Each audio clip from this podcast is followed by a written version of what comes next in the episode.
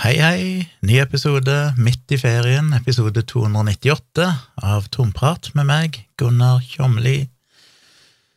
Eh, det er ferie, men eh, som jeg har sagt før, ferie er ofte en del jobbing for meg. I dag og i går har jeg jobba en hel del, for det plutselig så skulle vi lansere en ny nettavis igjen. Den hadde jeg stort sett gjort klar for en tid tilbake, men så ble det liggende litt fordi det var noe covid-sykdom og ferieavvikling og sånn hos de som satt i redaksjonen, eller de som var ansvarlig for den eh, avisen det er snakk om.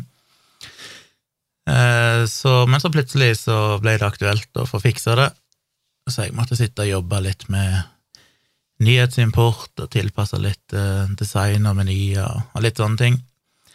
Måtte stå opp i dag, tidligere enn jeg liker, i ferien, og ha et videomøte med de for å gå gjennom litt av ting de måtte gjøre i forbindelse med lansering, og ja, noen ønsker de ville ha gjort, endringer de ville jeg skulle gjøre, og sånn. Så det ble en del jobbing i dag òg. Men jeg har jo hatt dattera mi her denne uka, og hvordan blir nå dette? Jeg prøve å tenke. Jo, på lørdag så reiste vi jo på en bitte liten ferietur. Da kjørte vi til Tonstad, som jeg har fortalt før litt over ja, to og en halv times kjøring når du må kjøre om Kristiansand for å hente dattera mi. Og det var egentlig ganske kjekt. Det som var litt kjipt, var at jeg sov null timer, null minutter, null sekunder natta før. Jeg fikk ikke sove. Det er veldig ulikt meg. Jeg sover jo som et barn og sliter ekstremt sjelden med søvnproblemer. Men av en eller annen grunn så var det bare klin umulig å sovne. Og vi skulle opp ganske tidlig, fordi vi ville komme av gårde ganske tidlig, sånn at vi var på Tomstad sånn midt på dagen. Men eh, det var klin umulig, så sånn jeg husker ikke, jeg, i firetid eller noe sånt, så bare sto jeg opp og tenkte ok, jeg går opp i stua og spiser et eller annet og ser på YouTube. Så gjorde jeg det, jeg vet ikke hvor lenge det var, en halvtime eller noe sånt. Tenkte jeg får gå ned og prøve igjen. Gikk ned og la meg igjen. Ble liggende en time til, fikk ikke sove. Og så var vel klokka Ja, jeg husker ikke. Eh, klokka var vel bortimot fem, eller noe sånt. Det var kanskje litt tidligere jeg sto opp første gangen, men jeg tror når klokka var rundt fem-halv seks, eller noe sånt, så bare sto jeg opp og tenkte ok, dette her går ikke. Og hvis jeg sovner nå, så får jeg bare sove et par timer, så nå vet jeg ikke hva jeg gjør, så jeg bare står opp. Så jeg sto opp og gikk ned her på kontoret og bare satt eh, og dilla med datamaskinen. Helt fram til de andre våkna. Da gikk jeg opp og tok meg en dusj og kledde på meg, og så var det å kjøre. Så jeg var litt spent på hvordan det skulle gå, å kjøre med null timer søvn. Jeg er jo veldig obs på det, og Tone kan alltid overta hvis jeg trenger det. Og det gjorde hun. Etter litt over halvveis så merka jeg at nei, nå, jeg, nå kjente, jeg, kjente jeg at jeg var skikkelig trøtt, så Tone tok over og kjørte Jeg husker ikke nå, hun kjørte vel en del siste beden, et eller annet. Hun kjørte iallfall, hun òg. Så vi kom ikke noe helskinna til Tonstad, men der la jeg meg rett og slett bare ned når vi kom fram, og sa nå må jeg prøve å sove. Så jeg la meg ned på sengen til mamma de, og sov vel der i et par timer, eller noe sånt, så jeg fikk et par timer søvn. Så var det å stå opp, og så var det å treffe de andre, for da var jo egentlig hele familien min der. Både de som bor langt vekke, som er her, eller er på Tonstad i sommer, og de som bor på Tonstad. Så det var jo et hyggelig gjensyn å få samle alle grilla litt, spiste litt.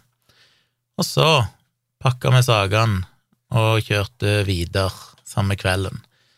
Så når klokka var sju eller noe sånt, så begynte vi å kjøre nordover opp Sirdalen, over Brokkesuildeskarveien, over til Brokke og videre gjennom Valle og sånn. Jeg hadde jo, jeg nevnte vel det sist, prøvd å finne hotell, det var klin umulig, alt var jo fullbooka eller ekstremt dyrt. Så den første hotellet som var tilgjengelig, lå jo i Morgedal, så der havna vi på Morgedal hotell. Og der kom vi jo sånn i halv ja, Klokka nærma seg vel halv elleve eller noe sånt. Halv elleve-elleve når vi kom der. Eh, så vi måtte lade litt eh, et sted på veien der, selv om det vel teknisk sett ikke var nødvendig, men jeg gjorde det allikevel. likevel. Og det som var litt kjipt når vi kom der, var jo at vi hadde ikke spist siden vi kjørte fra Tonstad og tenkte jo at vi kan få noe mat på hotellet, men der hadde de ikke noe matservering etter klokka ni. Det er for så vidt greit nok, kanskje, men de hadde heller ingenting du kunne kjøpe. Og det var ingen plass i nærheten. Dette var jo da en uh, lørdag kveld.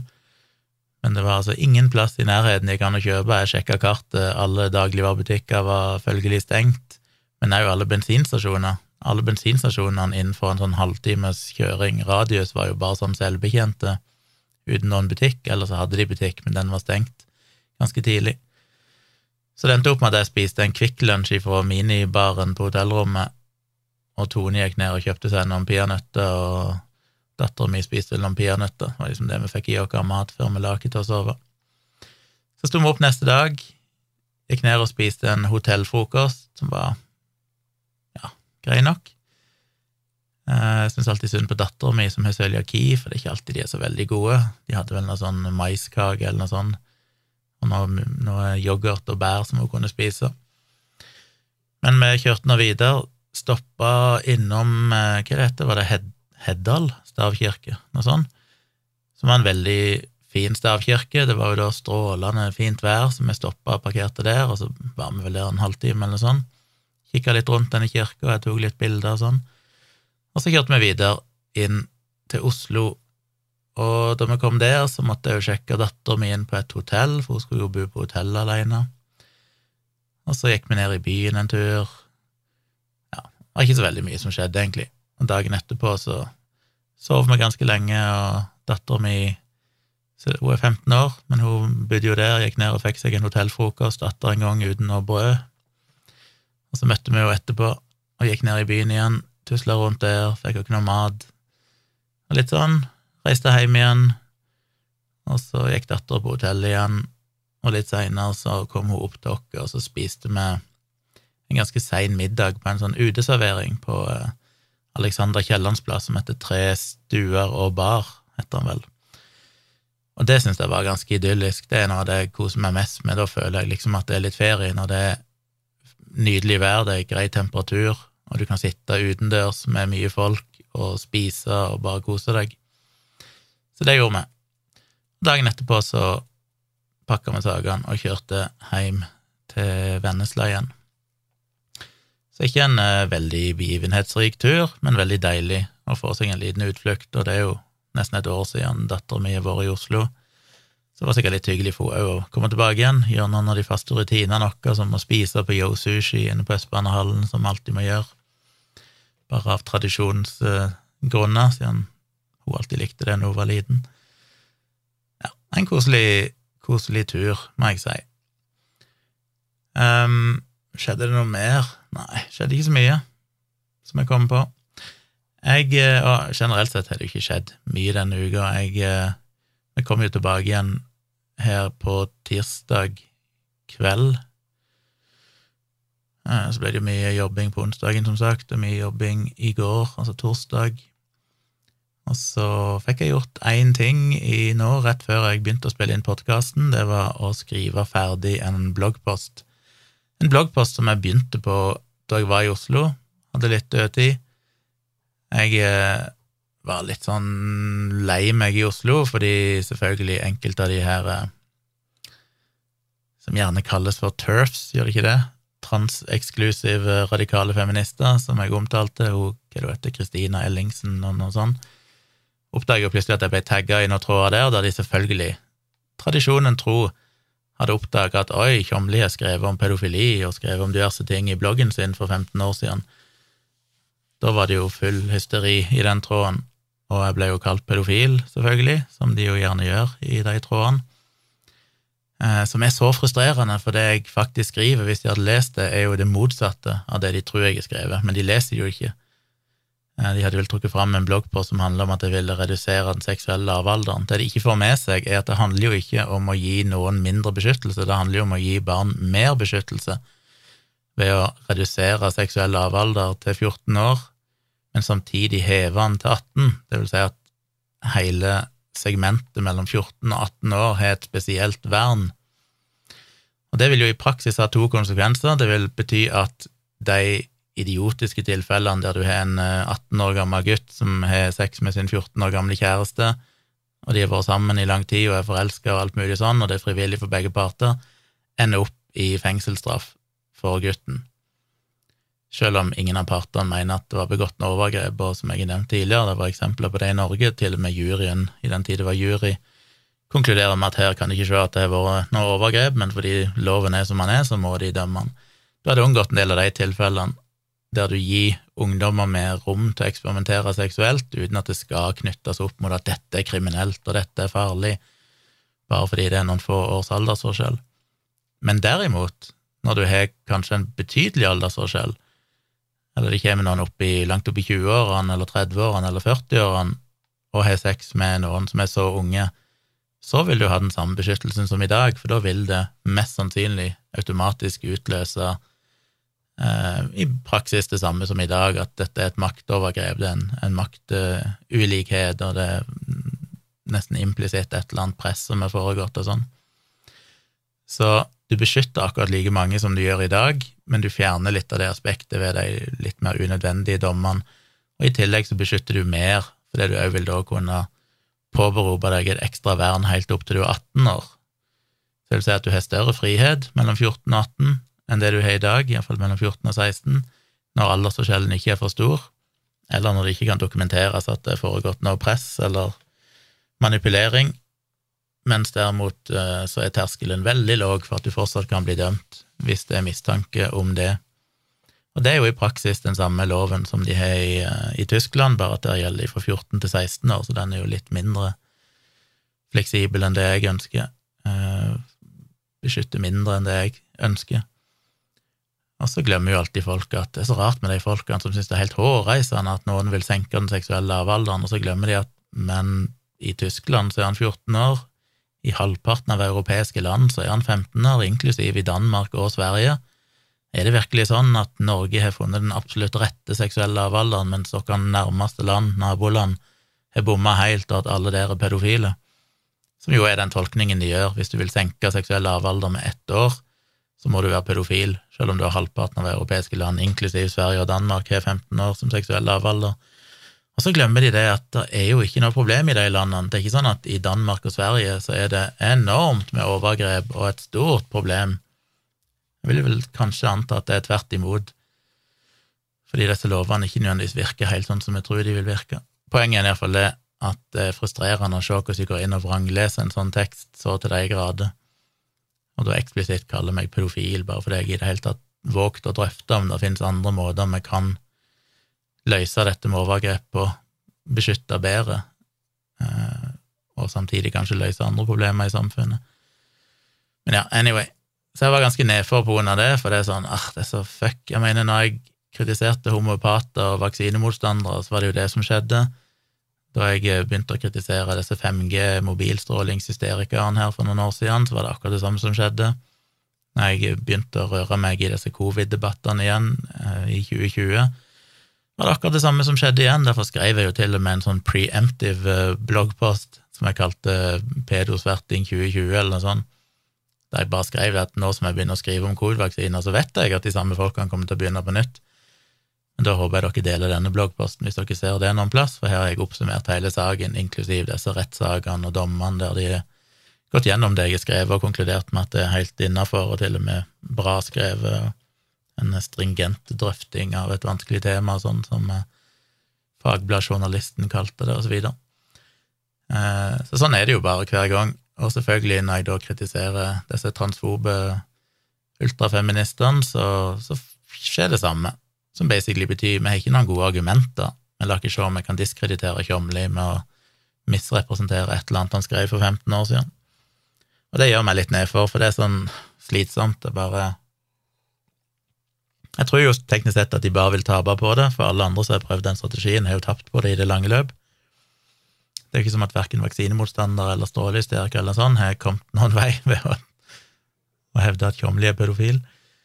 Men, eh, men allikevel så er det jo slitsomt. Det er jo liksom en belastning, for du lurer alltid på skal jeg gidde å si noe imot, eller skal jeg bare Jeg var jo frista til å skrive i den tråden og si, og si det, at øy, hvis dere leser bloggposten, så ser dere at jeg faktisk har skrevet sånn og sånn og sånn.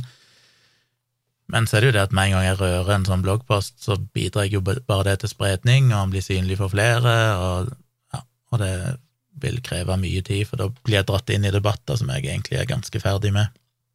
Jeg debatterte meg veldig ferdig med det egentlig allerede for ti år siden. Så ja, jeg var litt deppa, så jeg satt i, på hybelen vår, og så begynte jeg å skrive en bloggpost. Og den eh, skrev jeg litt på der, og så har jeg ikke gjort noe mer med den før nå, en del dager seinere, men nå skrev jeg den ferdig. Og det var rett og slett fordi etter den terroraksjonen i Oslo, eller det vi antar var en terroraksjon, på uh, pride-dagen, så kom jo ei uke etterpå så kom jo Kjetil Rollnes selvfølgelig med en tekst, en kommentarartikkel i Aftenposten der han skulle fortelle dere hvor fælt at det store problemet med, med, homofobi lå i islam.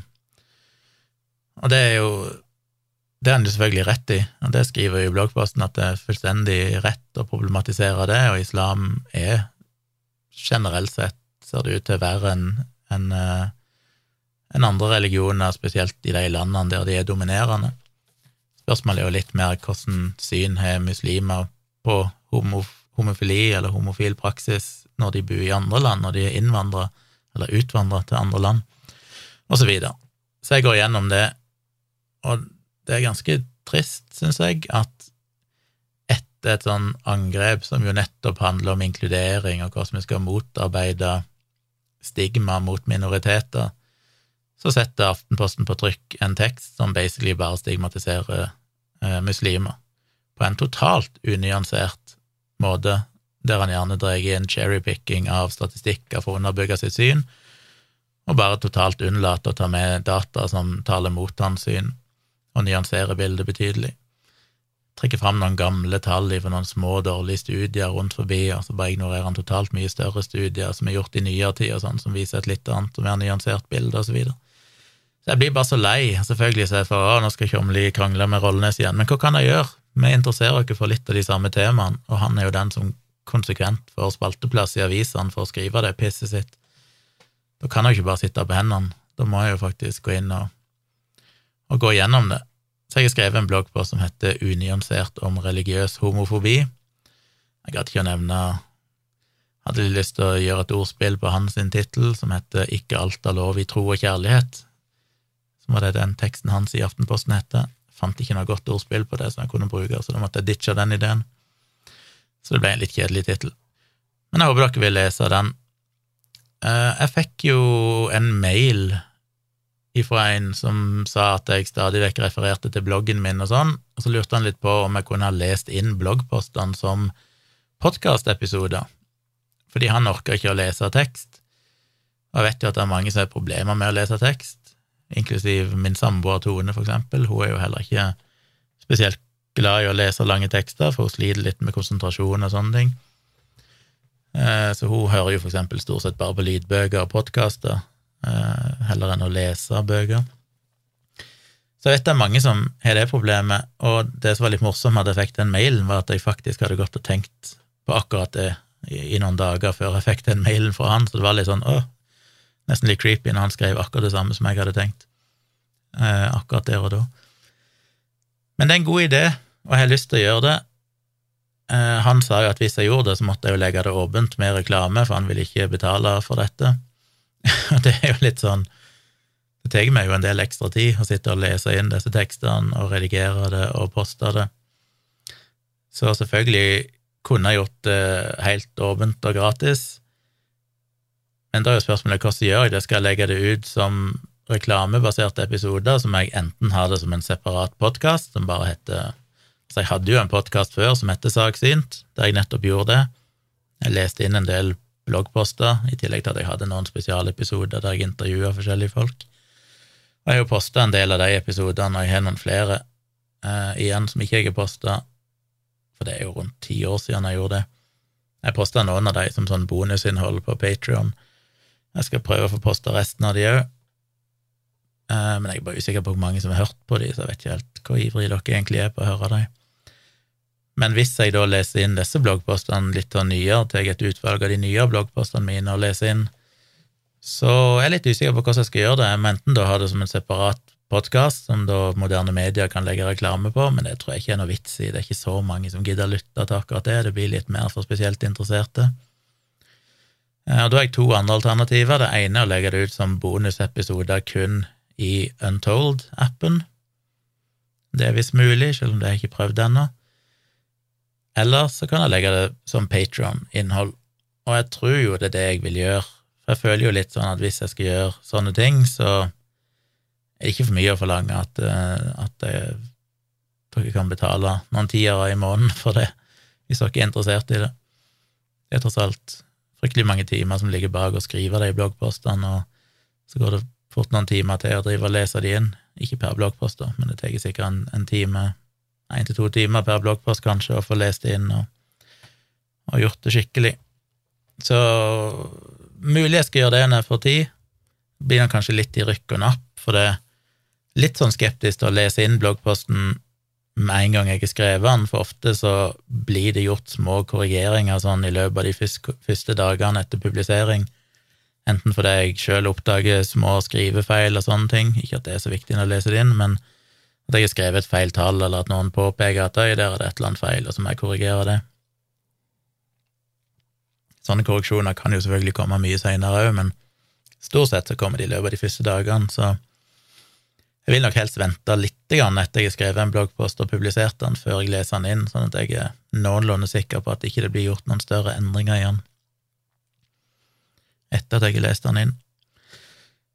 Så en god idé, og jeg skal se om jeg vil gjøre det, og hvis dere syns det kan være interessant, så for all del send meg mail og gi meg litt feedback. Det er klart, får jeg fire-fem mailer der folk sier at eh, ja, det har vi veldig lyst på, så er jo det en motivasjon til å gjøre det. Hvis ikke jeg hører noen ting, så får jeg se. Da er det kanskje ikke så mye interesse for det.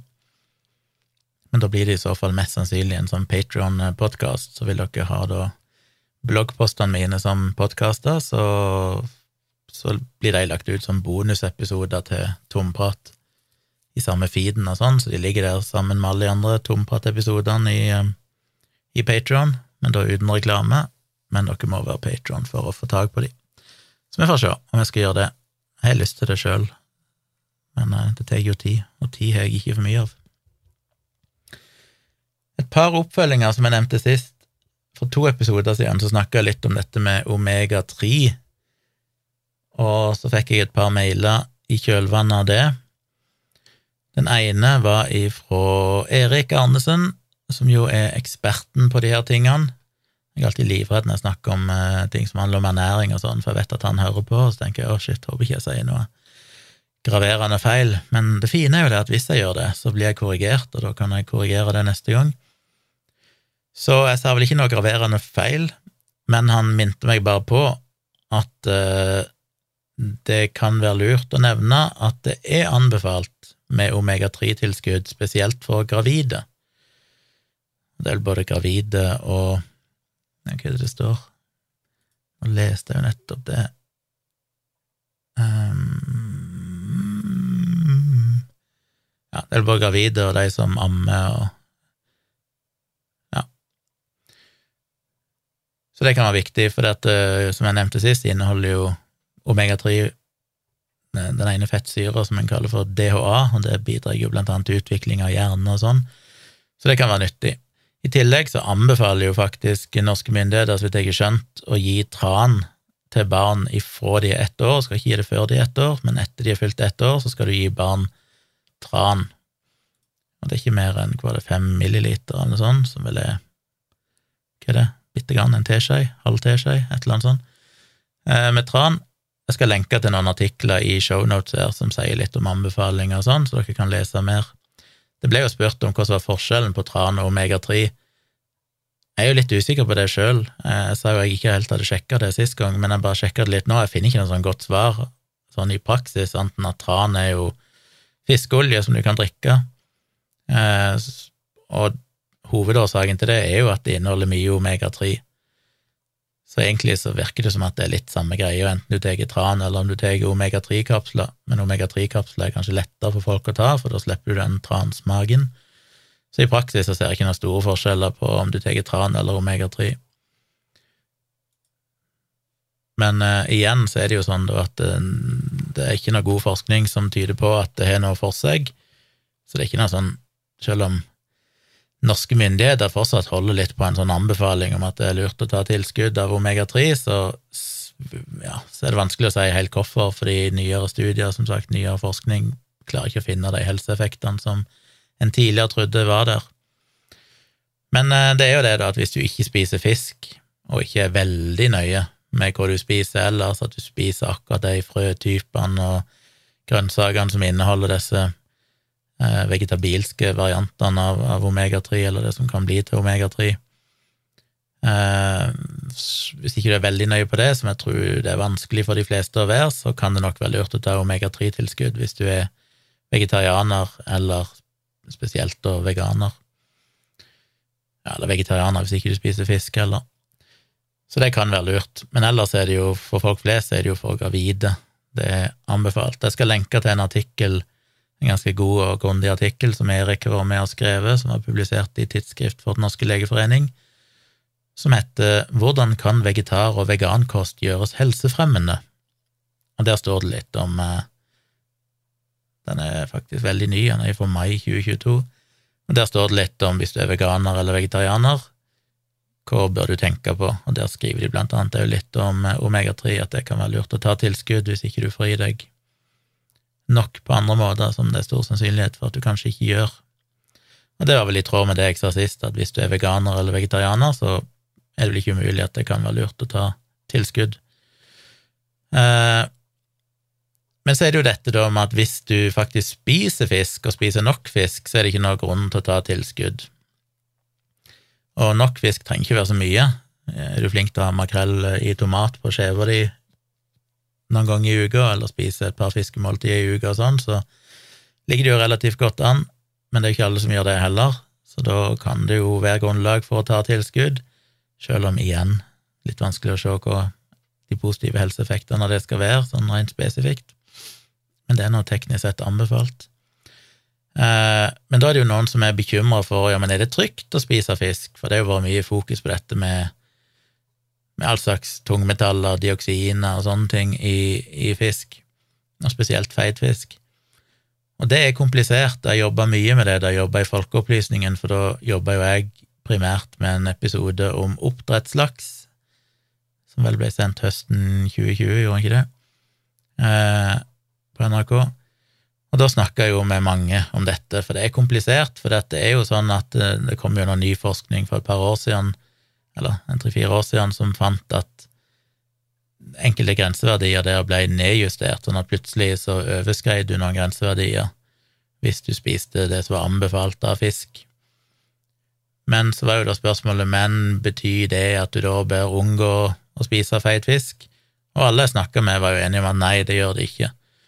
Fordi selv om det teknisk sett overskrider noen grenseverdier, så er det jo fortsatt sånn at de eh, helsefordelene du har ved å spise fisk, eh, hva heter det, overstiger, overskrider, overgjenger, overgår eh, de eventuelle potensielle risikoene ved å spise fisk. Så det er veldig lett å henge seg opp i. Det er jo litt det der igjen, det falske nullpunktet som jeg alltid snakker om, at hvis du tenker at å, det inneholder farlige stoffer, ergo så er det best å ikke spise fisk, og så glemmer en men hva er konsekvensene av å ikke spise fisk? Jo, det er faktisk enda mer negative konsekvenser. Så alt i alt, det er neppe farlig å spise fisk, det vil si teknisk sett så kan du overskride noen grenseverdier, spesielt hvis du er kvinne i alder 18 til 45 år, og kanskje små barn. Men jeg skal lenke til noen artikler så dere kan lese mer om det sjøl. Men det generelle rådet er at det er ikke noen grunn til å unngå å spise fisk av den grunn, fordi det er mye farligere å ikke spise fisk enn å spise fisk, sjøl om det faktisk fins fins noe forurensning i det. Og der kan det jo være verdt å nevne at oppdrettslaksen er jo sånn sett tryggere, da. Det er mye mer forurensning i eh, villaks og villfisk enn det det er i oppdrettsfisk, så det kan jo være greit å ta med seg i den debatten. Eh, så fikk jeg òg en annen kommentar fra en annen, ikke Erik, men en Eirik, som skrev en ganske lang mail. Jeg skal ikke lese opp den, men han sier vel to poenger. Det ene er jo dette her med harsk, harskna, eller oksidert fiskeolje. Og det har jeg òg lest om, at det er et problem at en del av de produktene, omega-3-produktene og sånn, viser seg at de er haskna, og da har de ikke de samme positive effektene. Eh, kanskje til og med negativ helseeffekt. Så han lurte litt på om de studiene jeg viser til, om de hadde tatt høyde for det. Det kan jeg ikke svare på på stående fot. Jeg vil jo anta at de bruker høykvalitetsprodukter i en sånn studie, men det tør jeg ikke si med sikkerhet. Men det er ikke en kritikk jeg har sett noen andre fagpersoner Når jeg har lest artikler om de studiene, og sånn, så er det ikke en kritikk jeg har sett noen trekke fram. Derfor antar jeg vel at det ikke har vært et problem i de studiene. Fordi det er jo et kjent problem, og da ville jeg trodd at noen hadde påpekt det. Men jeg kan ikke si det med, med sikkerhet. Jeg lenka vel, eller jeg husker ikke hva jeg lenka til, om jeg lenka til alle de studiene sist, men eh, i så fall går det jo an å sjekke sjøl. Eh, så er han et annet poeng da han sier at han sjøl bor på sykehjem pga. alvorlig sykdom i ung alder. Vet ikke helt hva det var, men han har hatt eh, behov for å få korrigert noe næringsmangel ved hjelp av noe tilskudd, og han får også noe intravenøs næring som blant annet inneholder omega-3 fra fiskeolje. Og så skriver han eh, det er ikke slik at man lar være å tilsette omega-3-fettsyrer i næring til syke mennesker fordi Gunnar Kjomli har sagt at han ikke har troa på det for sin egen del. Og det skjønner jeg, og det syns jeg jo er en, en, eh, i så fall en misforståelse av det jeg sa. Jeg var vel ganske tydelig i forrige episode på at hvis du har en spesiell grunn til å ta det, eller hvis legen din sier du skal ta det, så skal du selvfølgelig ta det. Det var jeg jo veldig tydelig på, det prøver jeg alltid å være tydelig på, at det er ikke sånn at du skal ta helseråd ifra meg jeg prøver å formidle det den beste forskningen og de offisielle helserådene tilsier, anbefalinger fra myndigheter og sånn. Men det er, jo, det er jo generelle råd. Hvis du har en spesifikk mangel, så er det noe helt annet. Så selvfølgelig, hvis du har fått beskjed av legen din om at du bør ta omega-3, så skal du gjøre det. Eh, poenget mitt er bare at om det er noe for seg for folk flest, og det er jo det som gjelder med alt kosttilskudd, at for folk flest så er det neppe noe for seg.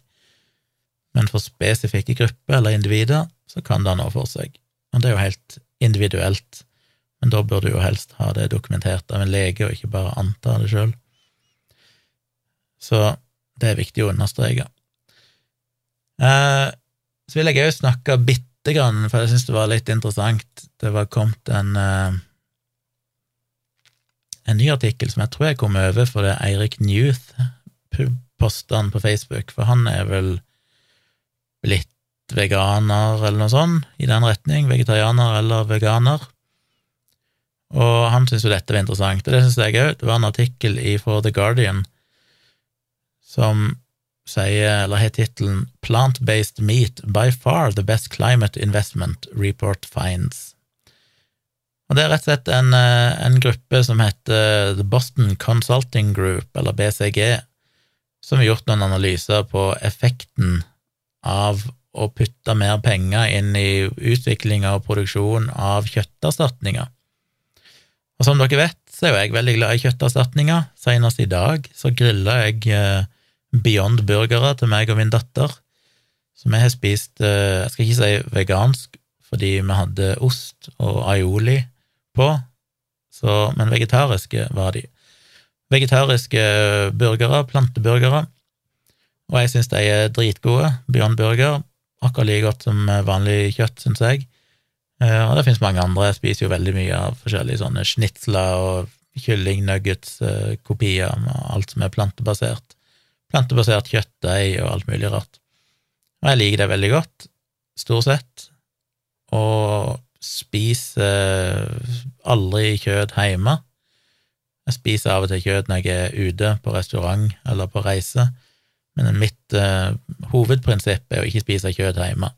Og det betyr da, når jeg sier kjøtt, så mener jeg kjøtt minus fisk. Jeg spiser fisk, men jeg spiser ikke landbasert kjøtt. Uh, og det med fisk er jo litt som det med omega-3, at jeg tror det er veldig viktig, eller vi vet det er viktig, å spise fisk, så jeg prøver å få i meg en del fisk. Men eh, bortsett fra det så spiser jeg ikke kjøtt når jeg er hjemme, så det betyr jo at jeg effektivt reduserer kjøttinntaket mitt med ja, 90-95% eller noe sånt, i forhold til hvis jeg hadde spist kjøtt hjemme. Så det de har funnet ut, at det er enorme klimafordeler med det. De sier at eh, for hver dollar du spytter inn i å utvikle og produsere kjøttkopier, altså kjøtterstatninger, så, og òg erstatninger for vanlig melk, så gir det tre ganger mer reduksjon, eller tre ganger større reduksjon i klimagasser sammenlignet med å investere i grønn sement- eller betongteknologi. For det er jo en veldig stor kilde til utslipp, det er jo eh, sement. Eh, sju ganger større reduksjoner enn å investere i grønne bygninger eller boliger, og elleve ganger mer enn å investere eller bruke nullutslippsbiler, som vil si elektriske biler, da. Så det vil si at det å investere i, i kjøtterstatninger er faktisk en bedre investering for klimaet enn mye av de andre tingene som det faktisk blir brukt veldig mye mer penger på. Og det er vel det de prøvde å få fram her, at det har vært mye investering nå i å utvikle mer miljøvennlig sement- eller betongteknologi, eller selvfølgelig dette med elbiler og sånn, eller å, å lage miljøvennlige boliger. Men egentlig så hadde det vært kanskje bedre å investere mer i å få folk til å spise mindre kjøtt. Og dette er jo selvfølgelig ikke nytt, vi vet jo at det å spise kjøtt har en stor klimakostnad. Eh, jeg synes det var litt interessant på noen av tallene de trekker fram her, der de faktisk sier at ifølge eh, Skal vi se Investeringer i alternative proteiner har vokst ifra én milliard, er det vel, dollar i 2019 til 5 milliarder dollar i 2021, så altså en, en stor økning. Men per nå, og dette vil jeg anta i England, og jeg vet ikke om det er globalt eller om det er England, men iallfall, så utgjør de alternative kjøttgreiene bare 2% av alt av kjøtt og egg og melkeprodukter som er solgt. Men det vil øke til 11 i 2035 hvis den nåværende veksten fortsetter. Det er litt sånn nedslående, ikke at det overrasker meg, det var kanskje som forventa omtrent at 2% bare av det som blir konsumert av eh, kjøtt, egg og melk, er fake kjøtt, egg og melk, men at det vil øke til 11 og det kan òg øke enda mer, hvis, sier de. Det kan godt være at det øker enda fortere hvis en hadde putta mer penger inn i å produsere flere alternativer. Men det jeg syns var interessant, var at hvis det øker til 11% i 2035, så reduserer det klimagassutslippet en størrelse, i en størrelsesorden som omtrent er det samme som de totale utslippene fra fly på hele kloden. Og det burde jo vært insentiv for dere lyttere til å kanskje kutte ut kjøtt. Det har jo vært mye snakk om eh, flyskam og at fly, fly er en forferdelig ting. Eh, kanskje du kan eh, bedre samvittigheten din ved å ta deg en flytur, sånn som jeg gjør, siden jeg skal flyge et par ganger nå i august, eh, og relativt langt. Så hjelper det jo litt på samvittigheten da at jeg ikke spiser kjøtt. Så det kan jo være noe å tenke på. Dette er ikke noe som er bagatellmessig ifølge denne rapporten, men det kan faktisk eh, kompensere for hele de globale fly, flyutslippene, som jo burde være noe vi alle ønsker. En andre tall er at de sier at Europa og Nord-Amerika vil nå peak meat i 2025 allerede, og etter det så estimerer de at kjøttinntaket faktisk vil synke. Det er litt interessant. Det har jeg ikke hørt noen andre plasser, at eh, nå vet jeg Det er basert på en rapport fra det samme gruppa i 2021. Jeg har ikke lest den rapporten, så jeg skal ikke gå god for analysene der, og det er jeg vel ikke kompetent til heller. Men ifølge den i hvert fall, så mener de at uh, de analysene de har gjort, så vil vi nå peak meat allerede bare om tre år, og så vil da dette disse erstatningsproduktene, og kanskje det at flere òg blir vegetarianere og veganere over tid, gjør at det totale kjøttkonsumet faktisk vil begynne å synke i Europa og Nord-Amerika, vel å merke. Og så var det òg en, en, annen rapport som estimerte at det meste kjøtt som folk kommer til å spise i 2040, ikke vil komme fra dyr som er blitt slakta. Og det er vel omtrent det samme som jeg òg har sagt. Både skrevet i bloggen min for en del år tilbake og snakka om i dialogisk for en tre-fire år siden, så sa jeg vel òg det samme, at det er vanskelig å se for seg at om ikke Nå husker ikke jeg akkurat tidsaspektet jeg sa der, om jeg sa 20 år eller noe sånt, eh, som i så fall matcher ganske godt opp med den, den prognosen her, så så jeg for meg at det meste av det vi spiste av kjøtt, ville være fake kjøtt.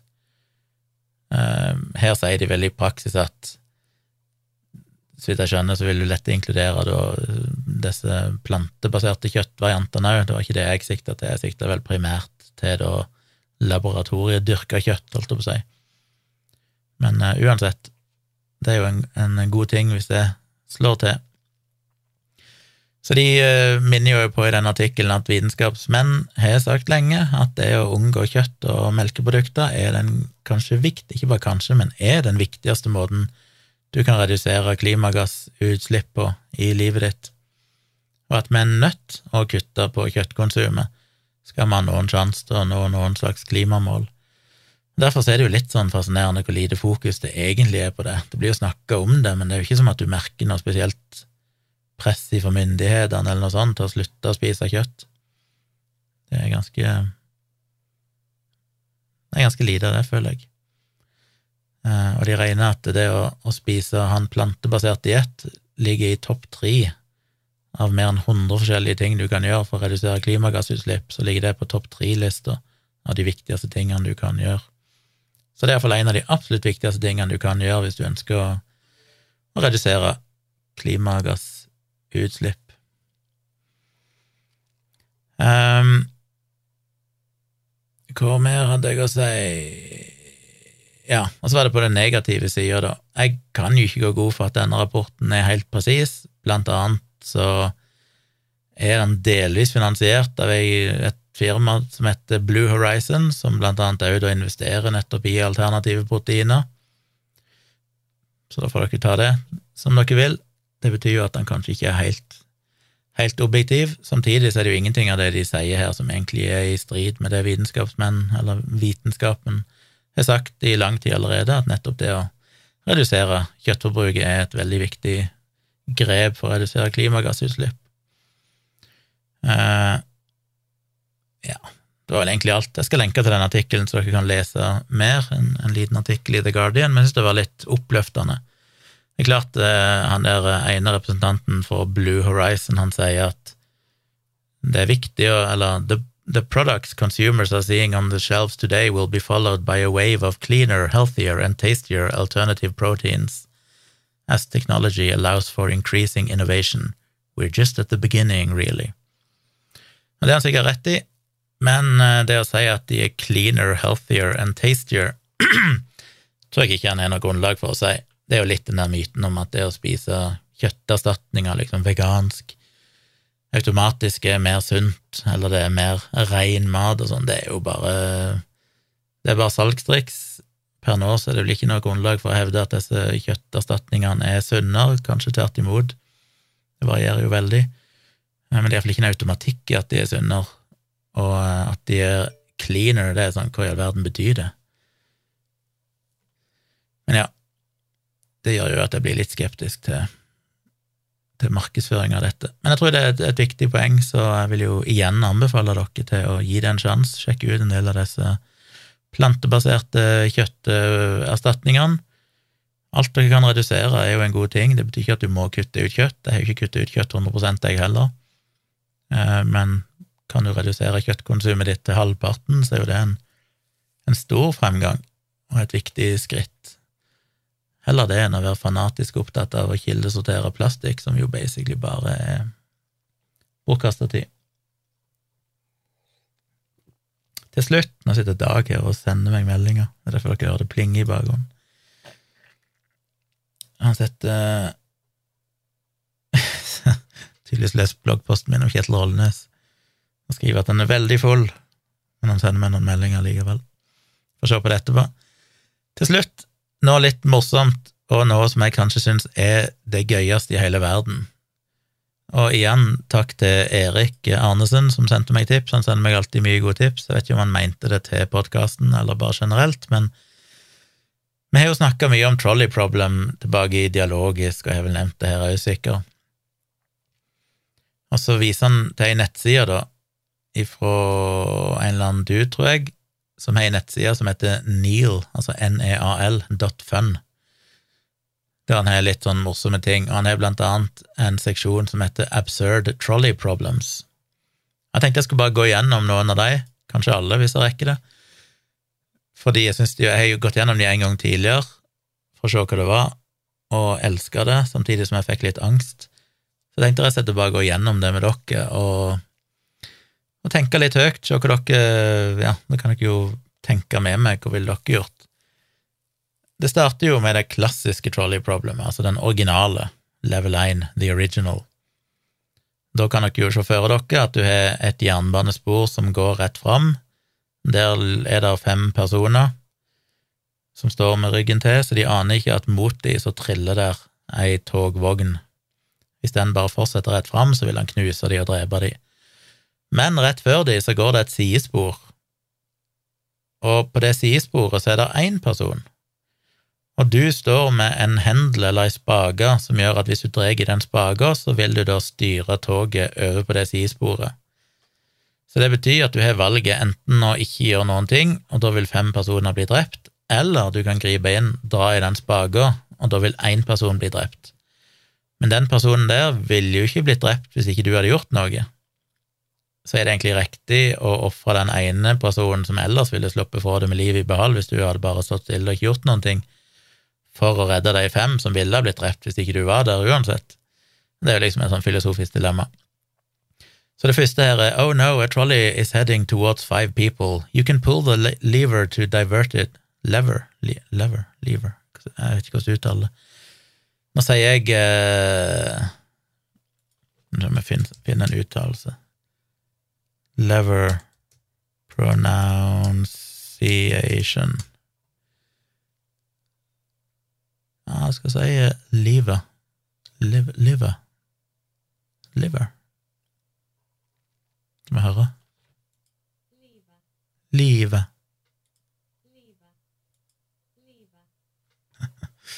ja. Eh, hvor blir det av denne nettsida nå? Jeg klarte å roe den vekk der. Lever. You can pull the lever to divert it to the other track, killing one person instead. What would you, what do you do? og så får du hele tida to valg, enten pull the lever eller do nothing. I det tilfellet så ville jeg nok dratt i, i spaker sånn at bare én person ble drept, selv om det er et jævlig valg å ta. Så med alle sånne tankeeksperimenter så er det jo lett å tenke sånn ja, men det kommer jo litt an på om de er gamle, unge, friske, hvem er de, kjenner du de, bla, bla, bla. Men det som er viktig, er at du kan ikke tenke sånn. Du må kun forholde deg til den informasjonen du har fått, og anta at ellers er alt annet likt. Eh, så i dette tilfellet er det fem random personer, og det er én random person på det andre sporet. Ikke noe forhold til noen. De er likestilte i alder og kjønn og alt mulig sånn. Eh, vil jeg da fortsatt ha dratt i spaken? Ja. Så når du trykker på den, så får du en liten animasjon der han splatter de du valgte. Og da får jeg opp en statistikk som sier at 78% av mennesker er enig med meg. 22% er uenige, så 22% ville ha ofra de fem ved å, gjøre, ved å ikke gjøre noen ting. Neste trolley problem. Oh no, a trolley is heading towards five people. You can pull the lever to divert it to the other track, killing four people instead. What do you do? Akkurat det samme, altså, bare at du kan velge å ofre fire personer, sånn at eh, det er litt mindre forskjell, det blir jo vanskeligere, da. Da er forskjellen mindre. Skal du virkelig gripe inn og endre skjebnen til disse menneskene bare for å redde ett liv? Jeg føler liksom allikevel at det er rett. I, i, en virkelig situasjon så er det sannsynligvis bare frosset, men jeg velger pull the lever, og 67% er enig med meg, så det er litt færre som ville ha tatt den varianten, men fortsatt et flertall. Nummer tre, oh no, a trolley is heading towards five people. You can pull the lever to divert it to the other track, but then your life savings will be destroyed. What do you do? Vil jeg da redde de fem personene mot at jeg mister alle pengene mine? Ja, selvfølgelig, det ville jeg gjort, det ville jeg dratt, mista alt jeg eide, men iallfall redda fem liv. 70% er enig med meg i det. Oh no, a trolley is heading towards five people. You can pull the lever to divert it to the other track, sacrificing yourself instead. What do you do? Og det er jo det klassiske elbilproblemet, eller automatisk eh, AI-kjøring. Det er jo dette her med hvis du sitter i en bil som har automatisk Hva faen heter det? Autopilot. For eksempel en moderne Tesla med autopilot, og den ser at han kommer til å kjøre på fem personer eh, som plutselig hopper ut i veien, skal da bilen prioritere å redde deg, eller skal han prioritere å redde de fem personene? For hvis han svinger vekk fra de fem personene, så vil han kanskje treffe en motgående kjøretøy som gjør at du blir drept. Så trolley problem er jo høyst relevant i virkeligheten. Det er hvordan programmerer du den kunstige intelligensen i disse bilene. Dette er reelle problemstillinger, ikke sant? Skal en, en kunstig, skal en autopilot prioritere deg, siden det er du som er sjåføren i bilen, den skal gjøre alt den kan for å redde ditt liv? Eller skal han tenke at eh, ja, ja, hvis jeg kan redde fem liv, så er det verdt å ofre sjåføren min? Og det er jo basically det denne her greia er. Jeg Det er jo litt absurd problemstilling, da, for hvis jeg ligger på dette her togskinnet og, og, vet at det kommer et tog, så hadde jeg vel heller bare trukket i spaker og hoppet av skinnene, men i dette tilfellet så ser han ut til å være bundet fast i skinnene. Jeg er litt usikker på hvordan du drar i spaken når du er bundet fast, men tydeligvis er armen løs. Men vil jeg ha ofra meg sjøl, dratt i spaker sånn at uh, toget spora av og kjørte over meg, og da redda fem menneskeliv, eller ville jeg sagt uh, jeg ville redda meg sjøl her? Og jeg må jo innrømme at jeg ikke er et større menneske enn at jeg tror i det tilfellet så hadde jeg tenkt uh, ok, det er ikke jeg som har lagt til rette for at disse menneskene skal dø, jeg ligger bare her. Noen har jo tydeligvis bundet noe fast, den jævelen, så det er jo ikke mitt problem om de fem dør. Så jeg ville ikke ha dratt i spaker for første gang, og heller la de fem dø. Og 60% av mennesker er enig med meg i det. Når jeg sier av mennesker, så er det vel av de folkene som eh, spilt dette spillet, og det er litt over en million mennesker, så det er ganske representativt utvalg, vil jeg si. Neste Oh no, a trolley is heading towards five people. You can pull the lever to divert it to the other track, but then the original copy of the Mona Lisa will be destroyed. What do you do? Selvfølgelig vil jeg heller ødelegge Mona Lisa enn at fem mennesker skal dø. 85 er enig med meg i det. Oh no, a trolley is heading towards a rich man. The rich man offers you $500,000 to pull the lever, which would divert the trolley and kill someone else. What do you do? Altså vil jeg spare den rike mannen og få, fem, få en ja, basically nesten fire-fem millioner kroner.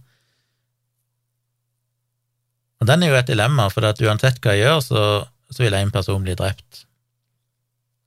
Men vil jeg velge å ofre den personen som, hvis ikke jeg grep inn, ville overlevd, og heller ofre han og si at nei, jeg drar i spaker sånn at du dør, for da redder jeg uansett et liv, og så får jeg penger i tillegg. Det er ganske tricky fordi én person dør i begge tilfellene.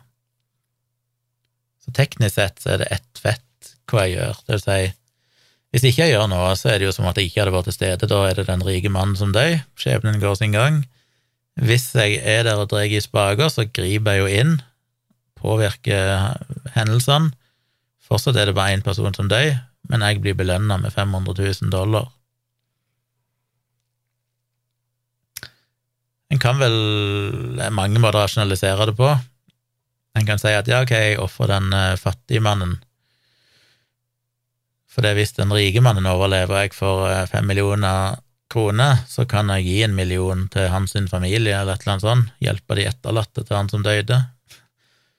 Hvis derimot den rike mannen dør, så kan du sikkert si at mest sannsynlig så er vel han sin familie mye penger fra før, så de klarer seg vel, så kanskje ikke det er noe godt argument. Veldig vanskelig å si. Det føles jo som at det moralske riktige her er å ikke gjøre noen ting og si at nei, jeg blir ikke påvirka av penger. Eh, jeg prioriterer ikke en rik mann over en fattig mann. Så derfor så trekker jeg ikke i spaker, la naturen gå sin gang, holdt jeg på å si. Samtidig så er jo det ganske teit, for i begge tilfellene døyer en person, og du er jo til stede, du kan dra i spaker. Er det noe mer riktig å ikke gjøre det enn å gjøre det? Jeg vet ikke. Det føles allikevel som at jeg ikke skal gjøre det, bare fordi at du føler at en rik mann skal ikke ha noe større sjanse for å overleve ved å kunne liksom betale seg ut av det. Så jeg velger do nothing og la han rike daue. Og 62 er enig med meg, så to tredjedeler omtrent ville gjort det samme. Oh no, a trolley is heading toward five lobsters. You can pull the lever to divert it to the other track, running over a cat instead. Cat What do you do? Vil jeg ofre fem eh, hummere eller en katt? Og der føles det for meg som at jeg heller vil ofre fem hummere Jeg føler at hummere er litt mindre verdifulle skapninger. Litt mer primitive, rent sånn kognitivt. Eh, så kan du diskutere, ja, ok, men er allikevel fem hummere mer verdt enn én katt? Det er selvfølgelig et umulig spørsmål, men eh, jeg spiser jo sjømat. Jeg spiser ikke landmat primært. Det er jo litt fordi at jeg føler at liv i sjøen, eh, minus selvfølgelig hvaler og, og sånn, generelt sett er litt mindre høyt utvikla enn det griser og kyr og sånn, rent sånn kognitivt, så det føles som at det er litt mer akseptabelt å spise en fisk enn å spise en gris. Så jeg velger å ofre hummeren, så jeg sier do nothing, og det er 87% enig med meg i, så det er vel den høyeste konsensusen så langt. Og så kom en interessant Oh no, a trolley is heading towards five people who are sleeping and won't feel pain. You can pull the lever to divert it to the other track, running over someone who is wide awake instead. What do you do? Jeg tror fortsatt jeg trekker i, i leveren, sånn at uh, den som er våken, dør, for det er fortsatt Det føles ikke som at bare fordi de ikke merker at de kommer til å dø, at det allikevel er noe bedre. De er fortsatt familie og kanskje barn og alt mulig, og det er en større tap for samfunnet at fem personer dør enn at én person dør. Så jeg trekker i, i spaker, ofrer den våkne personen, så kan de fem som ligger der, sove videre, uvitende om, om at jeg redda livet deres. 66% er enig med meg i det. Så langt har jeg jo alltid gjort det som majoriteten gjør, så jeg skiller meg ikke ut.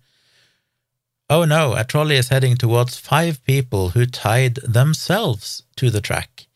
You can pull the lever to divert it to the other track, killing one person who accidentally tripped onto the track instead.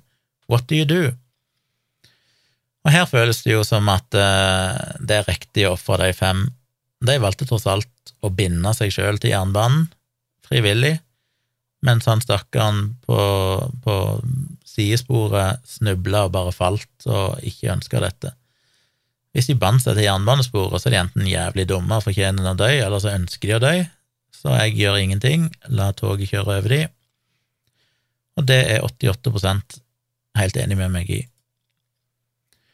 Nummer ti. Oh no, a trolley is heading towards five people. The lever just speeds up the trolley, which might make it less painful. What do you do? Så på illustrasjonen her så er det fortsatt fem personer på det sporet som går rett fram, mens det ligger én på sidesporet. Men den ene personen på sidesporet er helt irrelevant i, denne, i dette dilemmaet, for jeg kan ikke spore av toget uansett, så han overlever uansett. Det eneste jeg kan gjøre, er å trekke i spa, spaken sånn at toget speeder opp, og dermed så dreper jeg de fem folkene fortere, mindre smertefullt. Gjør jeg det? Ja, de kommer til å dø uansett. Uansett hva jeg gjør, så dør de, så hvorfor ikke gjøre det mest mulig mest mulig eh, behagelig, holdt jeg på å si, eller minst mulig ubehagelig. Så jeg gjør ingenting, la toget gå rett fram, og det er bare 32% enig med meg i. 68% er uenige. Hva er argumentet for å ikke gjøre det? The lever just speeds up the trolley, which might make it less painful. Så det er ikke sikkert det blir mindre, men det er en sjanse for det. Det blir iallfall ikke, i ikke verre. Så det er en sjanse for at du gjør døden deres mindre smertefull hvis du trekker i spaken. Så hvorfor i all verden skal en ikke gjøre det, er tanken da, at noen tenker at ja, men hvis toget går saktere, så kan det være at de kommer seg fri, eller noe sånt, eller noen andre redder de, men det er jo ikke en del av premisset her. Du må jo bare anta at de kommer til å dø uansett. Så her tror jeg bare 68 tar feil, jeg har rett, 32% er enig med meg, vi har rett. Nummer 11. Oh no, a trolley is heading towards one guy. Så på dette bildet så er det kun eh, det er et hovedspor og et sidespor, men det ligger ingen på sidesporet. Det ligger kun en person på hovedsporet rett fram. A trolley is heading towards one guy. You can pull the lever to divert it to the other track, but then your Amazon package will be late. What do you do? Vel, selvfølgelig så trekker jeg i leave-run, sånn at min forsendelse blir forsinka, men jeg redder et liv. Men merkelig nok så er 12% uenig i det. Tror de bare må trolle. 88% ville gjort det samme som meg, redde et liv, og så heller få litt forsinka pakke i posten. Nummer 12. Oh no, og nå begynner det å bli interessant. A trolley is heading towards your best friend. You can pull the lever to divert it to the other track, killing five strangers instead. What do you do? Så dette er basically det motsatte trolley-problemet, der det på hovedsporet bare ligger én person, mens det på sidesporet ligger fem. Forskjellen er at på hovedsporet så ligger din beste venn. Hvis ikke du gjør noen ting, så dør din beste venn. Hvis du drar i spaker, så dør det fem fremmede folk. Og da syns jeg det begynner å bli vondt. Da er det sånn jeg får moralske kvaler og syns det er fysisk ubehagelig å måtte svare, selv om dette bare er liksom ei nettside og helt ubetydelig, så føles det fortsatt at det trigger mine, min moralske angst. Det er vanskelig å for seg min beste venn Det føles jo som at det rette å gjøre fortsatt er å, å ofre min beste venn for å redde fem liv. Så kan du trekke det videre, ikke sant, ja, det er kjæresten din. Teknisk sett er jo Tone min beste venn. Vet jeg, men når jeg tenker beste venn, så tenker jeg ikke nødvendigvis på kjæresten min, for det føles som at da ville det stått your girlfriend eller boyfriend. Jeg tenker jo mer på en eller annen venn jeg er, selv om ikke det burde ha så mye å si. Det er fortsatt noen jeg kjenner, som jeg er glad i. Vil jeg ofre den? Det føles som at det er det rette å gjøre, bare sånn rent sånn utilitaristisk i hva redder flest liv. Samtidig så er jo spørsmålet klarer du det, hvis det er noen du faktisk kjenner. Da får du et helt annet emosjonelt forhold til det. Men jeg klarer ikke få meg til å dra i spaken og drepe fem liv heller.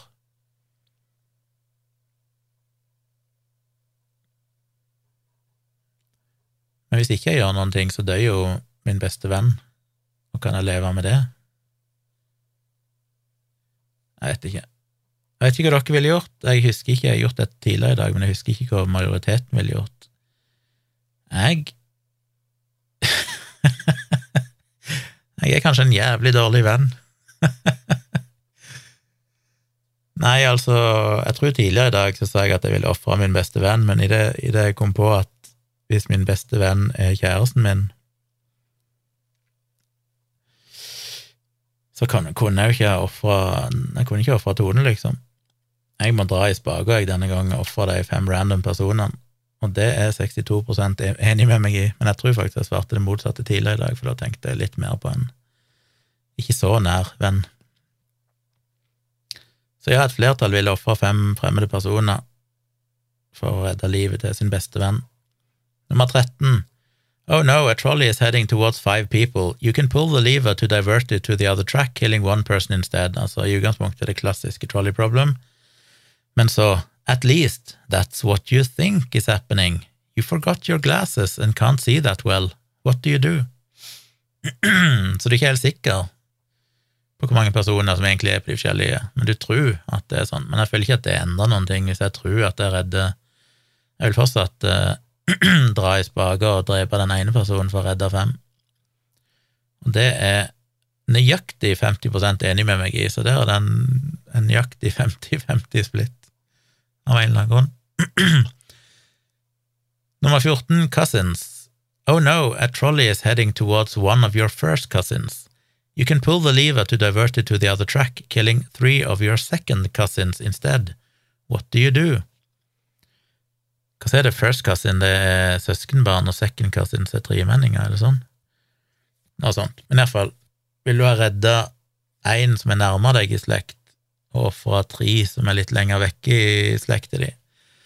Det er veldig vanskelig for meg, for jeg har ikke noe nært forhold til noen slektninger som er lenger vekke enn min, min, eh, mine brødre og foreldre og, og sånn. Virkelig ikke.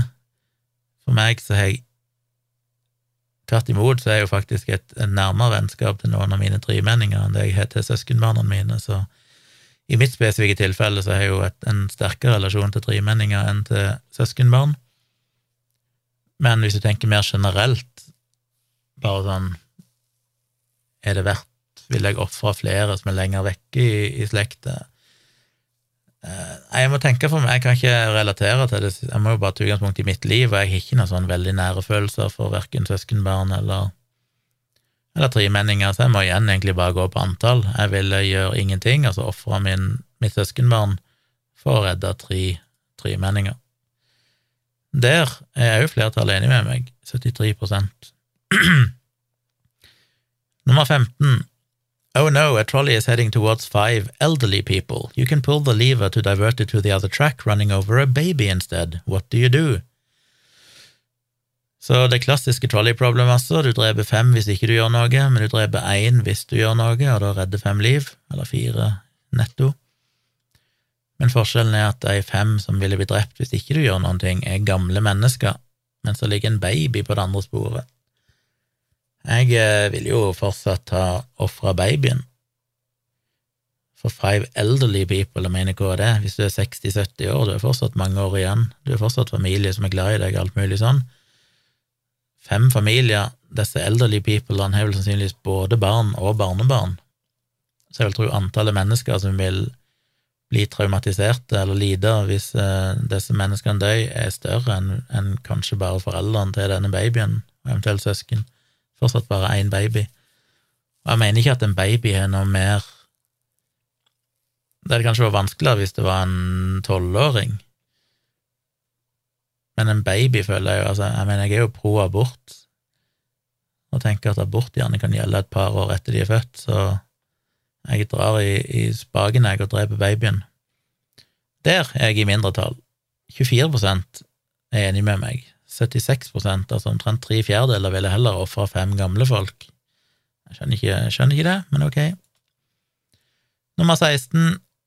Oh no, a trolley is barreling towards five identical clones of you. You can pull the lever to divert it to the other track, sacrificing yourself instead. What do you do? Så nå kan jeg dra i spaka, men da er det jeg sjøl som dør. Hvis jeg ikke gjør noen ting, så dør det fem kloner av meg. Og det er jo selvfølgelig et interessant filosofisk spørsmål, fordi det føles jo som at ok, jeg vil jo redde mitt eget liv, det gjorde jeg jo i en tidligere dilemma her, da det var fem fremmede versus meg, men nå er det istedenfor fem kloner meg, og for meg så føles det som at det er fem fremmede.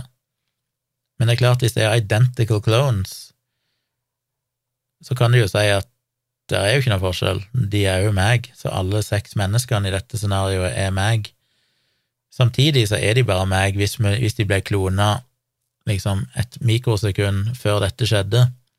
I det øyeblikket det har gått bitte grann tid, så vil alle ha sine egne opplevelser i løpet av de sekundene, minuttene, timene, dagene som er gått etter at de ble klona, og dermed vil de være separate personer, for vi vil ikke ha hatt de samme livsopplevelsene i løpet av den tida som er gått etter kloninga skjedde. Så de er jo ikke meg. De ligner på meg. De er veldig like meg, kanskje i følelser og erfaringer, minner, men de er ikke meg. Så fortsatt er jeg egoistisk nok til å redde meg sjøl. Det vil si at jeg gjør ingenting. Det føles jo lettere når jeg ikke gjør noen ting, og bare sier at ja, ja, hvis ikke jeg hadde vært her, så hadde de dødd uansett. Så jeg gjør ingenting og dreper mine fem kloner, og det er 85 av mennesker enige i. Nummer 17.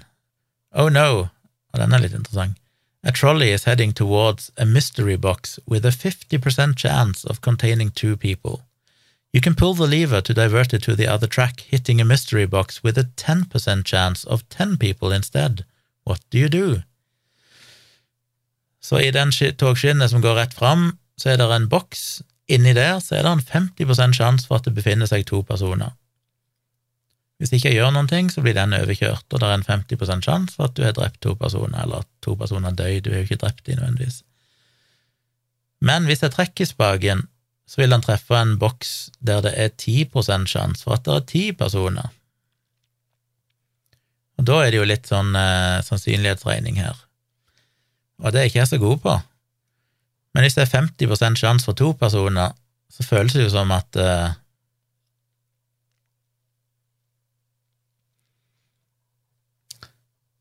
50 sjanse for to personer versus 10 sjanse for ti personer. Så det er mindre sjanse hvis jeg trekker i spaker, så er det mindre, det er 90 sjanse for at det er en tom kasse. Men hvis jeg tar feil, så er det ti personer som dør. Hvis jeg ikke drar i spaken, så er det 50% sjanse for at det er en tom kasse, men hvis jeg tar feil, så er det to personer som dør. Det føles som at det er bedre å ta den 90 sjansen, selv om, selv om offeret er større hvis jeg tar feil, men jeg må vel, uavhengig av antall folk inni. Så kan du sikkert regne på det, og det vet jeg hvordan du gjør. Regne på ok, 10% sjanse for ti personer, det Det er kanskje en større risiko enn 50% sjanse for to personer hvis du regner risikoen per person og et eller annet. Jeg vet ikke. Jeg går for 10 sjanse, jeg. Så jeg drar i spaka, ofrer de potensielt ti personene. 54% er enig med meg, så der er det nesten 50-50. Tror folk flest rett og slett ikke vet, sånn som meg. Det er litt sånn I, I don't know, jeg må bare velge et eller annet. Nummer 18. Oh no, a trolley is heading towards five sentient robots. Det vil si altså roboter med, med bevissthet. Eller selvbevissthet. You can pull the lever to divert it to the other track, killing one human instead. What do you do? Og Da er vi et av de andre fascinerende filosofiske science fiction-spørsmål. Det er jo nettopp dette med har du selvbevisste roboter, eller selvbevisst kunstig intelligens? Kan du egentlig si at de ikke har menneskeverd, at de ikke er et fullverdig liv på lik linje med biologisk hjerne med, med selvbevissthet. Men fortsatt, og dette sånn intuitivt, så tenker jeg ja, fuck robotene. Og så vet jeg det når jeg tenker grundigere på det, men det er jo ikke riktig. Det er ikke noen grunn til å anta at de har noe mindre verdi enn et menneske. Vi er jo fortsatt bare en slags biologisk datamaskin. Det at jeg tilfeldigvis er en elektronisk datamaskin, burde ikke være avgjørende. Eh, så kan du stille spørsmål med, men jeg vet jo ikke hvordan relasjonene der er. Har de et nettverk av personer eller andre roboter som vil savne de, vil bli lei seg? Har de evnen til det? Altså, hva er de sosiale konsekvensene? I don't know. Det er jo variabler jeg ikke kjenner til. Så jeg må bare anta at de er separate, selvbevisste roboter, men at de ikke kan føle nødvendig sorg over andres tap, at de ikke er barn og familie og sånne ting, så jeg velger å ofre robotene, jeg, så jeg gjør ingenting. Splatter de fem robotene. 83% er enig med meg i det. Nummer 19, den her skjønner jeg ikke helt, men ok. Oh no, a trolley is heading towards three empty trolleys worth 900,000 pounds, nei, dollars. You can pull the lever to divert it to the other track, hitting one empty trolley worth 300,000 instead. What do you do? Så på sporet rett fram så er det tegnet inn tre andre togvogner som er verdt 900 000 dollar, og på sidesporet så er det ei vogn som er verdt 300 000 dollar. Da vil jeg ha ofra det ene. Det er et mindre økonomisk tap. De er jo tomme, alle, det er ikke noen mennesker i de, så jeg velger å ofre den ene, og det er 80 enig med meg i. Men så kommer jo en variant, da. Oh no, a trolley is releasing 100 kilograms of CO2 per year, which will kill five people over 30 years. You can pull the lever to divert it to the other track, hitting a brick wall and decommissioning the trolley. What do you do? Så jeg kan altså gjøre ingenting og bare la dette toget fortsette helt som det alltid er gjort, men da vil det slippe ut 100 kilo med CO2 hvert år, og det vil statistisk sett drepe fem personer av klimaendringer og forurensning og sånn i løpet av de neste 30 årene. Eller jeg kan dra i spaken og få toget til å krasje inn i en murvegg, og dermed så stopper det å virke og kommer ikke til å slippe ut mer CO2. I det simple scenarioet så tenker en jo ja, men da, da vil ikke de fem personene dø over de neste 30 årene, så selvfølgelig så bare krasjer jeg toget. Men i realiteten så tenker jeg jo at ok, men hvis det toget blir krasja, så vil jo sannsynligvis det bli erstatta av et nytt tog, og det vil slippe ut sannsynligvis like mye CO2, i tillegg til at du får de ekstra CO2-utslippene ved å måtte bygge et nytt tog. Så de totale utslippene vil være større hvis jeg krasjer toget, enn hvis jeg lar det fortsette. Selvfølgelig kan det jo være at de nye togene er mer miljøvennlige og vil erstatte en eldre modell som var mindre miljøvennlig. Det har jeg ikke noe informasjon om, så jeg velger å ikke gjøre noen ting, la toget fortsette. Og det er bare 48% enig med meg i, det vil si det er jo nesten 50-50 der òg. 21. Oh no, you're a reincarnated being who will eventually be reincarnated as every person in this classic trolley problem. What do you do? Så det er det klassiske trolley problem med fem personer som ligger på skinnene rett fram, og én person på sideskinnet, bare at den på sidesporet er meg. Og uansett, hvis jeg dør, så vil jeg på et eller annet tidspunkt reinkarneres til en av de andre personene. Så uansett hva jeg gjør, så kommer jeg sjøl til å dø på et eller annet tidspunkt. når dette scenarioet blir kjørt om igjen mange nok ganger. Så jeg dør uansett. Spørsmålet er bare om jeg skal dø nå, eller om jeg skal dø seinere, egentlig. Så da tenker jeg at uh, jeg uh, Det har jo egentlig ingenting å si. Ja, det har vel det. Da får jeg ofre meg sjøl. Det er kanskje ikke logisk, det er kanskje ikke rasjonelt, men det blir for komplisert å tenke gjennom scenarioene her. For hvis jeg ikke gjør det, så overlever jeg og lever kanskje 50 år til, og så dør jeg, og så blir jeg reinkarnert som en av disse folkene som ligger på den andre skinna. Og så er det kanskje en annen jævel som velger å ofre seg Nei, å ikke ofre seg, sånn at jeg dør, og så blir jeg inkarnert til den på sida av meg på skinnet, og så må jeg gjennomgå dette fem ganger. Men jeg kan jo fortsatt ha et greit liv før den tid. så, øh. Jeg velger do, do nothing, jeg redder meg sjøl igjen, jeg. Jævlig som jeg er. Det er et mindretall som er enig med meg, 41 Nå nærmer jeg meg slutten her. Oh no, a trolley is heading towards nothing, but you kind of want to prank the trolley driver. What do you do? Ser det ingen konsekvenser, anten hvis du drar i spaken, så skifter toget spor, og så blir kanskje han som kjører toget, litt sånn litt sånn sjokkert over shit, hva nå som skjedde. Men jeg ville vil aldri gjort det. Jeg ville ikke gått inn på T-banen og så plutselig bare spora av et tog, bare for moro skyld. Det kan jo ende opp med å krasje med et annet tog, da, så jeg, jeg gjør ingenting. Det er et mindretall som er enig i det, 41 og de fleste ville ha spora satt toget over på et sidespor bare for the hell of it. 23. Oh no, a trolley is heading towards a good citizen. You can pull the lever to divert it to the other track, running over someone who litters instead. What do you do? Hvis ikke jeg gjør noen ting, så blir jeg en uh, vanlig person, en, et godt menneske, drept. Hvis jeg trekker i spaken, så blir et dårlig menneske som forsøpler, drept. Hva ville jeg gjort? Jo, jeg ofrer han som forsøpler, for fuck han. Folk som kaster søppel ut i naturen, de kan De fortjener å dø. 73% er enige. Selvfølgelig er det et stort Her kan du bruke sikkert tre år på å diskutere dette, for det er klart at uh, her, her, reduserer de det jo til bare til at han forsøpler. Kan jo godt være at uh, denne såkalte good citizen gjør masse annet dritt, men han forsøpler ikke, så det er jo ikke godt å si. Men det vet vi ikke. Oh no, due to a construction error, a trolley is stuck in an, eternal loop. Så det er et tog som bare går rundt og rundt her. If you pull the lever, the trolley will explode, and if you don't, the trolley and its passengers will go on in circles for eternity. What do you do?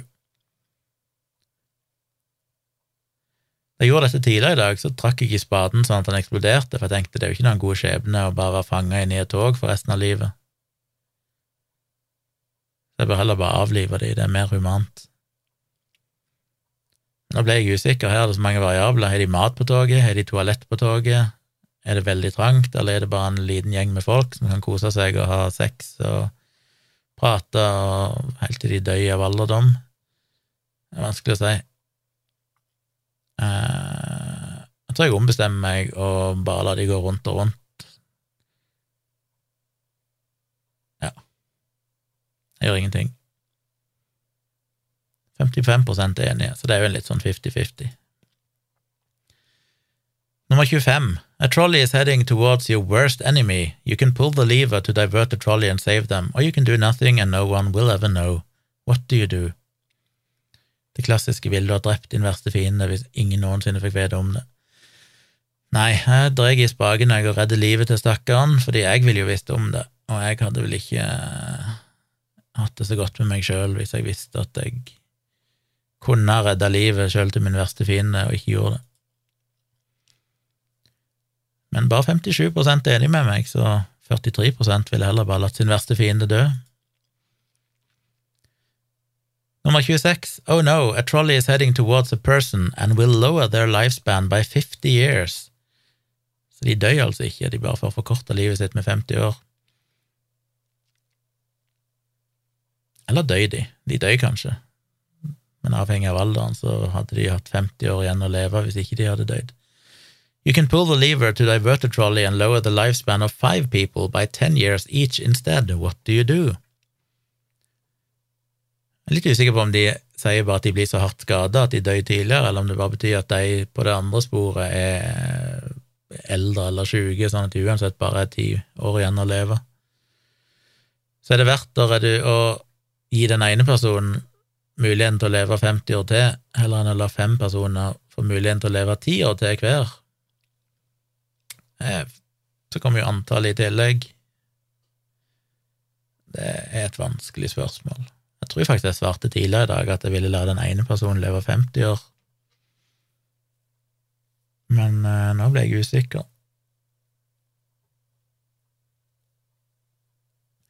Jeg tror jeg må la den stakkaren dø, og det føles jo litt lettere ettersom at det er det sporet som går rett fram. Han hadde dødd uansett hvis ikke jeg var der, så jeg gjør ingenting.